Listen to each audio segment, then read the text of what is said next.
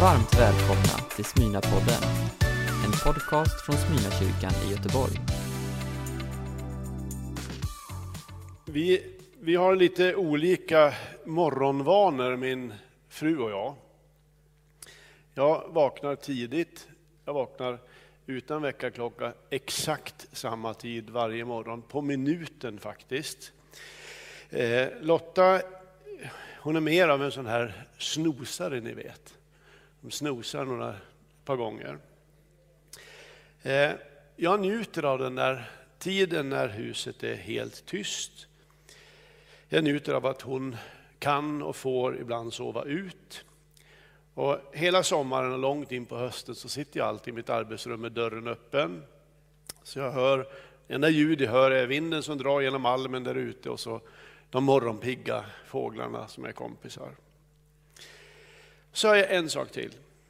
Jag hör hur Lotta vänder på sig där inne. Det är bara en dörr emellan. Hon vänder på sig ibland och så somnar hon om. Hon snarkar inte. Men hon andas högt ibland. Och det sista året har det hänt flera gånger att hon plötsligt hör av sig inifrån mörkret. Och så säger hon så här. Ropade du? Vilket jag inte gjorde. I så fall ropade jag i hennes drömmar. Men det har blivit som en liten vana att varje gång det där händer, då säger jag till henne, om du hör det igen, så säg tala Herre, din tjänare hör. Och så vet ni direkt att den här ordväxlingen finns ju nästan exakt i första Samuelsboken 3. Och jag läser. Den unge Samuel tjänade nu Herren under Elis uppsikt. På den tiden var det ovanligt att Herren talade till människor och profetsyner förekom sällan. Då hände en gång följande. Eli, vars ögon nu hade blivit så svaga att han inte kunde se, låg och sov på sin vanliga plats. Tempellampan var ännu inte släckt och Samuel låg och sov i Herrens tempel där Guds ark stod. Då ropade Herren på Samuel. Här är jag, svarade han, och han sprang bort till Eli och sa, här är jag, du ropade på mig. Men Eli svarade, jag har inte ropat, gå och lägg dig igen. Och då gjorde han det. Än en gång ropade Herren på honom. Han steg bort och gick bort till, upp och gick bort till Eli. Här är jag, du ropade på mig. Men Eli svarade, nej min son, jag har inte ropat, gå och lägg dig igen. Samuel hade ännu inte lärt känna Herren och ännu inte fått ta emot hans ord. För tredje gången ropade Herren på Samuel, som åter steg upp och gick bort till Eli. Här är jag, du ropade på mig. Nu förstod Eli att det var Herren som ropat på pojken. Och han sa till Samuel att lägga sig igen. Och om någon ropar på dig så ska du säga, tala Herre, din tjänare hör. Och Samuel gick tillbaka och la sig. Då kom Herren och ställde sig där och ropade som förut. Samuel, Samuel.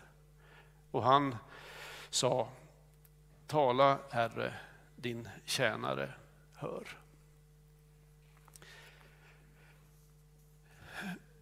Det är en på ett sätt sorglig men vacker historia som berättas i, i de inledande kapitlen av Första Samuels bok. Elkana och Hanna, hans hustru, bor i Efraims bergsbygd. De har det bra, men de sörjer över att de inte kan få barn tillsammans. Varje år går de upp till Silo för att offra och be. Och varje gång utgjuter Hanna sitt hjärta inför Herren. Hon gör det särskilt denna gång. Hon står i templet och ber. Hon säger inga hörbara ord. Men hennes läppar rör sig och hennes tårar rinner. Hon lovar Gud att om de får en son så ska hon ge honom tillbaka till Herren för resten av hans liv. Prästen Eli ser henne från sin stol vid dörröppningen där han sitter och han går fram och pratar med henne. Först tror han att hon är berusad. Men när han förstår att det är hennes djupa sorg och hennes längtan som tar sig det här uttrycket. Ibland finns ju inga ord för saker. Då kan ju tårar och tystnad vara starkare än ord. Då får Eli ett tilltal från Gud. Han profeterar över henne och säger att hon ska få det hon ber om, vilket också sker. Och hon står för sitt löfte att ge pojken tillbaka till Gud. Och som förälder så sliter det ju i en. När hon så snart gossen är avvand lämnar tillbaka hon, lämnar honom i templet. De åker hem, men den lille pojken får sin uppväxt i Guds hus som någon slags korgosse. Varje år kommer föräldrarna på besök och varje år har Hanna sytt en ny efod, en dräkt. Allt eftersom pojken har vuxit. Och så står det så vackert om pojken. Gossen Samuel växte upp hos Herren. Han vann både Guds och människors gunst. Gunst, det är ett nästan bortglömt ord som betyder välvilja eller favör. Och nu vill Gud tala till den unge man som ännu både fysiskt och andligt står i växten. Och Det är ett budskap som rör framtiden, inte bara hans framtid utan nationens framtid. Men eh, Samuel tror att det är Eli, för han har ännu inte lärt sig känna, lärt känna Guds röst. Alltså villigheten finns där, men inte förmågan att skilja röst ifrån röst. Men Gud ger inte upp. Han talar igen. Och som ni hörde så är det först på tredje försöket som Samuel förstår att det är Guds röst. Jag tycker att det finns något trösterikt i det. Alltså att den andliga mottagligheten är någonting man kan öva upp, precis som man övar upp andra förmågor i, i livet. Att de andliga receptorerna kan bli känsligare och skarpare när åren går.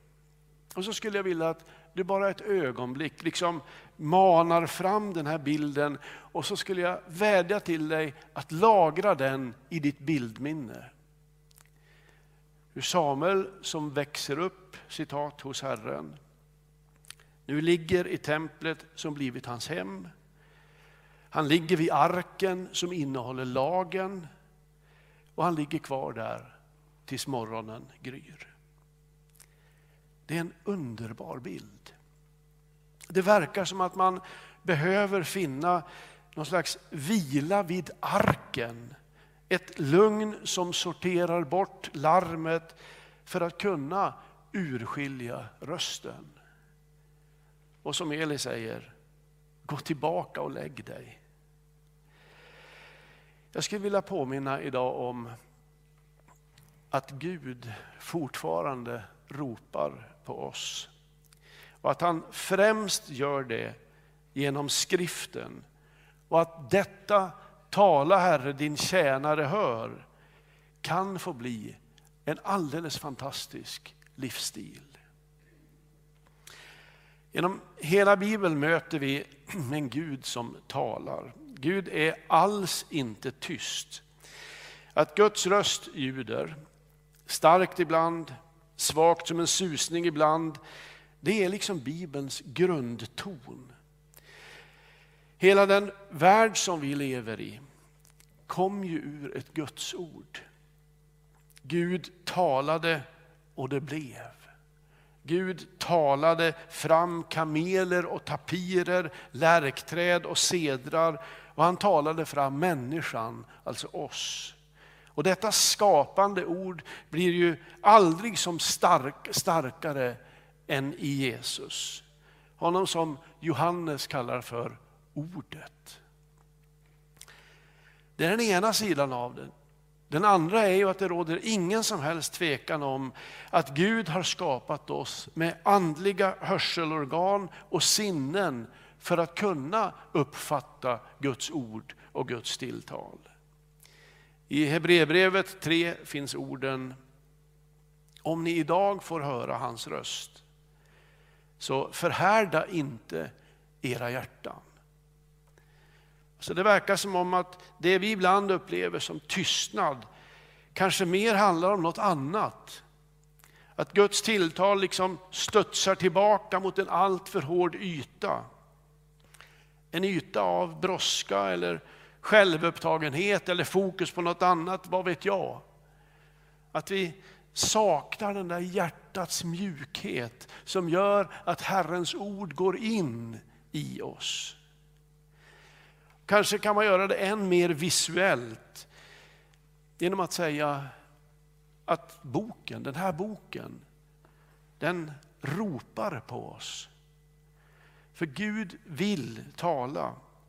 Det är därför det är så avgörande att få ett förhållande till den här boken som inte är säsongsbetonat eller pliktskyldigt eller stickprovsartat. Man lär inte känna rösten på det sättet. Det är någon annan process som gör att man gör det. Den som vi pratade om i dopgraven, nämligen relationer. Gud talar på många andra sätt än genom den här boken, naturligtvis. Gud talar genom människor man möter. Gud talar genom händelser, genom naturen. Men utan att förringa någonting av det så vill jag idag säga att det främsta sättet att liksom lära sig att höra Guds ord, känna igen Guds röst, det är ändå att bli ett med hans ord, att bli ett med den här boken. Jag har några bibelappar i min telefon, det har säkert ni med. De funkar ganska bra, en del av dem i alla fall. En av dem är dock lite uppläxande. Och det, det är den på det sättet att rätt som det är så poppar det upp, alltså vid de mest oväntade tillfällen så poppar det upp ett meddelande på min skärm på telefonen. Och där står det så här, Oh dear, it's time to read the Bible, står det. Och det är det, är det där Oh dear som jag har lite svårt för, alltså kära du, det är lite översittarstil. Eh, men jag gillar det också. Jag gör det. Därför att det är tid att läsa Bibeln nu mer än någonsin tidigare. Novus har gjort en undersökning på uppdrag av Sveriges Radio om hur pandemin har påverkat vårt läsande. Idag läser vi på mer än ett sätt. Vi lyssnar på böcker och vi läser. Och de har visat på att eh, under pandemin så har det svenska folket läst 27 procent mer än man läser annars. Och hela 19 procent uppger att de läser betydligt mer än annars. Än mer glädjande blir när man lägger ihop det med den, den rapport som Bibelkommissionen har gjort. Som säger att under pandemiåret så har det digitala bibelläsandet ökat med ungefär 20 procent. Vilket ju är helt fantastiskt. Så om man nu läser Bibeln och vill läsa Bibeln, kanske känner oj, jag, jag har tappat det. Hur läser man för att höra rösten? Alltså man kan ju plöja den här boken rätt igenom, men hur läser man för att höra rösten? Det finns en magstark bild av det i Nya Testamentet. Och eh, en bild som jag tror faktiskt svarar på hur-frågan och den finns i Uppenbarelseboken. Eh, Johannes som är herde för marginaliserade, politiskt och ekonomiskt maktlösa kristna i en kultur där överlåtelse till Kristus var samma sak som att man blev betraktad som närmast kriminell. Han är nu förvisad till fängelseön Patmos. Och när han, som han brukar, en söndag morgon ber och firar gudstjänst så får han se en vision. Han ser en gigantisk ängel som har den ena foten i oceanen och den andra på land och som har en bok eller en bokrulle i sin hand. Från sin enorma predikstol så predikar ängeln ur boken en predikan som ingen kunde somna till. Det står att den var som när ett lejon ryter. Johannes tycks fatta pennan för att skriva någonting, men han blir avbruten av ängeln. Och ängeln säger, ta boken. Och så fortsätter han, ät upp den. Ja. Alltså, ta inte bara anteckningar på predikan, utan ät boken. Och Det här bildspråket finns tidigare i Bibeln. Johannes är inte först med det. Hesekiel får uppmaningen att svälja bokrullen innan han skulle träda fram och tala till ett motsträvigt folk. Och I Jeremia bok så finns några rader som för övrigt har försvunnit i Bibel 2000, som jag annars oftast hyllar. Därför läser jag ur 1917 års.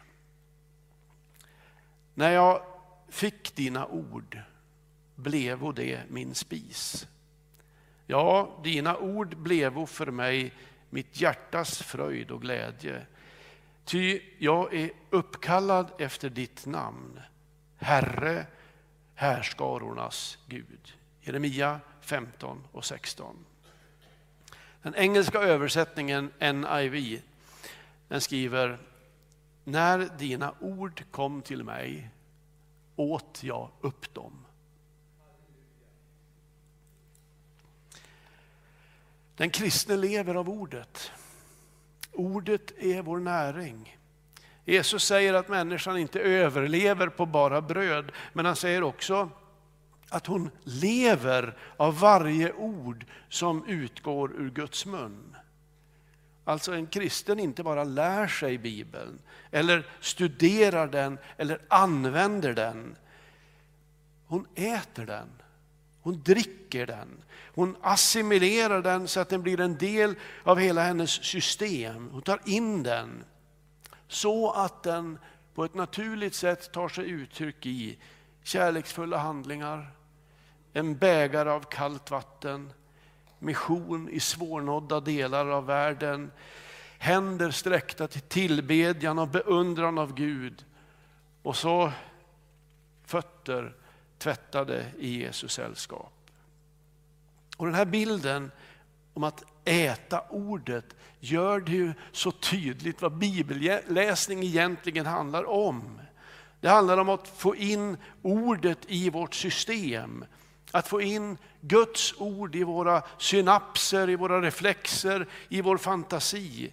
Så att det vi läser på ett naturligt sätt blir vårt sätt att tänka och kraften i vårt sätt att leva. Så om någon skulle sitta och tänka att det här med bibelläsning låter ansträngande. Eh, nu är du där igen, det känns lite kravfyllt. Jag har mycket annat att stå i. Så skulle jag önska att du tänker lite på Samuel vid arken. Och för att väldigt frimodigt låna bilden så är ju Bibeln inte ett Vasalopp att ta sig igenom. Den är utmanande, ibland fruktansvärt utmanande.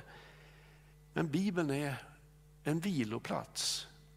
En plats att fortsätta växa på. Har Bibeln av någon anledning hamnat på din att göra-lista och någonting som skapar dåligt samvete därför att läsningen inte blir av, då säger jag till dig som Eli sa till Samuel, Gå tillbaka och lägg dig. Alltså, lägg dig vid viloplatsen Bibeln. Lägg dig där och lyssna till herdens röst. Det är så man bygger en relation. Och jag, jag tror att man ska vara väldigt praktisk här. Jag tror på att läsa Bibeln i följd. eller via en bibelläsningsplan, alltså för att få någon slags överblick. Det är 66 böcker, men märk att detta är en sammanhållen text. Det är ju så man ser de, de stora dragen i Bibeln. Hur Gud verkat och verkar genom historien och hur Gud har en framtid. Hur det går från den här mäktiga skapelsen via frälsningen fram till skapandet av en ny himmel och en ny jord. Jag tror på de stora dragen. Men också på detta att liksom stanna till vid det specifika. Kanske en vers eller bara en rad och så låta den gå runt i systemet. Eh, tugga på den lite. Låta den liksom finnas i oss. Idissla är ett ord som tidiga kristna använde. Ett makligt idisslande. Och jag, jag tänker på mitt eget liv i det här avseendet. Jag tänker också på, på vår församlingsliv. På vår väg in i en okänd, spännande framtid. Och så ber jag om och önskar att vi skulle bli lite mer hungriga på att känna igen Guds röst bland alla andra röster. Eller som Jesus själv säger i liknelsens form. När han har släppt ut sina får går han före dem. Och fåren följer honom därför att de känner igen hans röst. Vi behöver känna herdens röst om vi ska ha en chans att veta vart herden går. Det handlar om lyssnande i bönen. Det handlar om att leva med en uppslagen bibel. Och låt mig säga det så innerligt jag bara kan. Att jag tror att den här boken ropar på oss idag. Den ropar våra namn. Och frågan är vad vi svarar. Ska vi inte låta det lite mer få bli en livsstil? Att varje morgon, genom dagen och när natten faller leva i Samuels hållning. Tala Herre, din tjänare hör. Vi ber.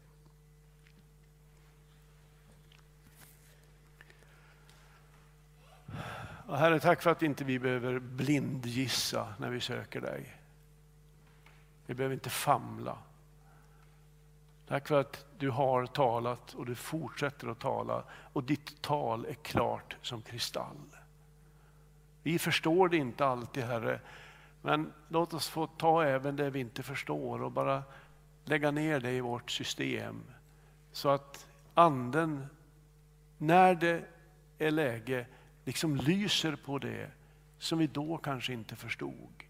Och så blir det till vägledning. Och jag vill be för vår församling.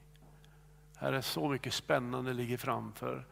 Jag ber att vi ska få vara en, förs en församling som följer herden, vart herden går. Och därför ber jag om en lyhördhet för ditt tilltal. I Jesu namn. Amen. Du har lyssnat på en predikan från Smyrnakyrkan i Göteborg. Hjärtligt välkommen att lyssna igen eller besöka Smyrnakyrkan. Gud välsigne dig och din vecka.